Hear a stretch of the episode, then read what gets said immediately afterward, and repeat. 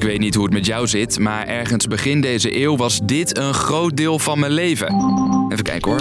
Haha lol, uitroepteken XD, enter. Ja, en natuurlijk hives met krabbels, glitterplaatjes en... Kap eens met die buzzers, jongens.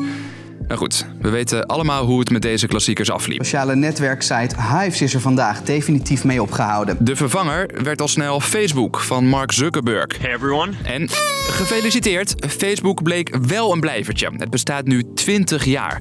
Hoe kon Facebook zo groot worden? En wat is de toekomst van het bedrijf nu het zich keer op keer moet verdedigen? Um, Senator, I, I want to make sure I get this accurate. Ik ben Dennis en dat zoek ik voor je uit.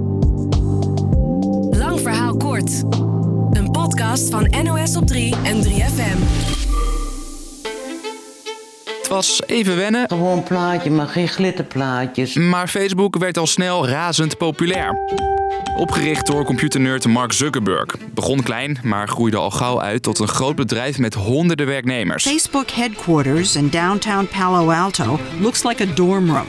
The 400 employees who get free food and laundry show up late, stay late, and party really late. Met nog steeds oprichter Zuckerberg aan het roer. Zuckerberg, who's reportedly worth $3 billion, sits at a desk like the other software engineers writing computer code. Facebook veroverde ook Nederland met pieken en ook dalen. Een oproep voor een Sweet 16-feest vanavond in Haren in Groningen dreigt uit de hand te lopen.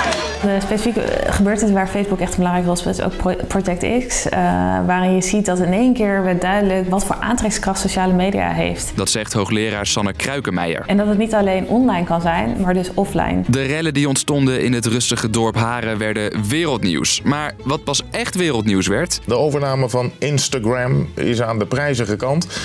Maar Facebook heeft het ervoor over. Misschien scroll jij inmiddels wel vaker over Insta dan Facebook, maar sinds 2012 hoort dat ook bij Zuckerbergs imperium. Net als De grootste overname in de internetsector sinds 2000. Facebook koopt WhatsApp. dat allemaal bij elkaar werd in 2021 gepresenteerd als Starting today, our company is now Meta. Facebook, WhatsApp, Insta werden vanaf nu Meta. Dat werd door Zuckerberg in een ietsje ongemakkelijke video gepresenteerd. Hey, what's going on? Hi. Mark. What's up, Mark? Whoa, we're floating in space? Who made this place? It's awesome. Maar wie Facebook zegt, heeft het ook over schandalen. Keer op keer volgden er boetes, rechtszaken, schikkingen. Bijna altijd over data of privacy van gebruikers. Een van de bekendste voorbeelden, Cambridge Analytica. Weer een publicitaire ramp voor Facebook en weer gaat het over privacy. Mogelijk zelfs om de grootste privacy schending in de geschiedenis van de tech-gigant. 270.000 Facebookers deden mee aan een persoonlijkheidstestje via de app. Wat ze niet wisten, die app verzamelde gegevens van hen en van hun vrienden, waarmee een databedrijf een database van 87 miljoen accounts maakte. Met al die info van gebruikers konden ze gericht advertenties sturen aan Amerikaanse kiezers.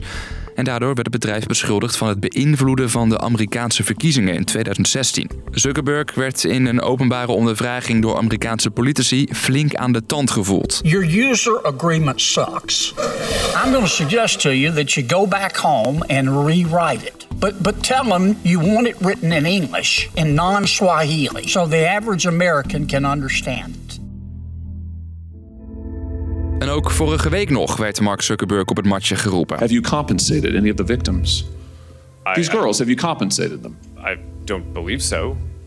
Why not? Nu op tafel het beschermen van kinderen op zijn platformen. En in de zaal ouders van kinderen die overleden na ervaringen op sociale media. Dat gaat van drugsverkoop tot seksuele uitbuiting. Zuckerberg bood zijn excuses aan. Would you like to apologize for what you've done to these good people?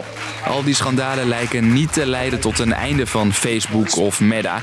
Nog altijd loggen wereldwijd dagelijks meer dan 3 miljard mensen in op een van de apps van het bedrijf. En maakt het miljarden euro's winst. Ik denk voor de toekomst dat we ik denk ons moeten realiseren dat Facebook, maar ook andere platformen eh, kunnen verdwijnen. Maar het principe van een sociaal medium en ook de algoritmes die daarop zijn en de vrienden die je hebt, dat zal blijven. En of dat nou Hives, Facebook, Insta of TikTok is, volgens hoogleraar Sanne Kruikenmeijer blijven dit soort platforms een belangrijke rol in ons leven spelen. En hoe we daarmee omgaan is denk ik belangrijk, ook op de toekomst gericht. eh, onafhankelijk of dat nou Facebook is.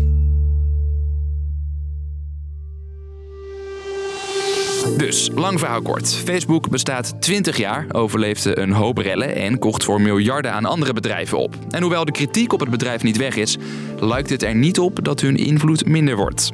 Over social gesproken, volg je ons al op Insta, TikTok en YouTube? Anders zou ik dat even gauw gaan doen. Morgen staat er weer een nieuwe aflevering van deze podcast voor je klaar. Bedankt voor het luisteren en doei!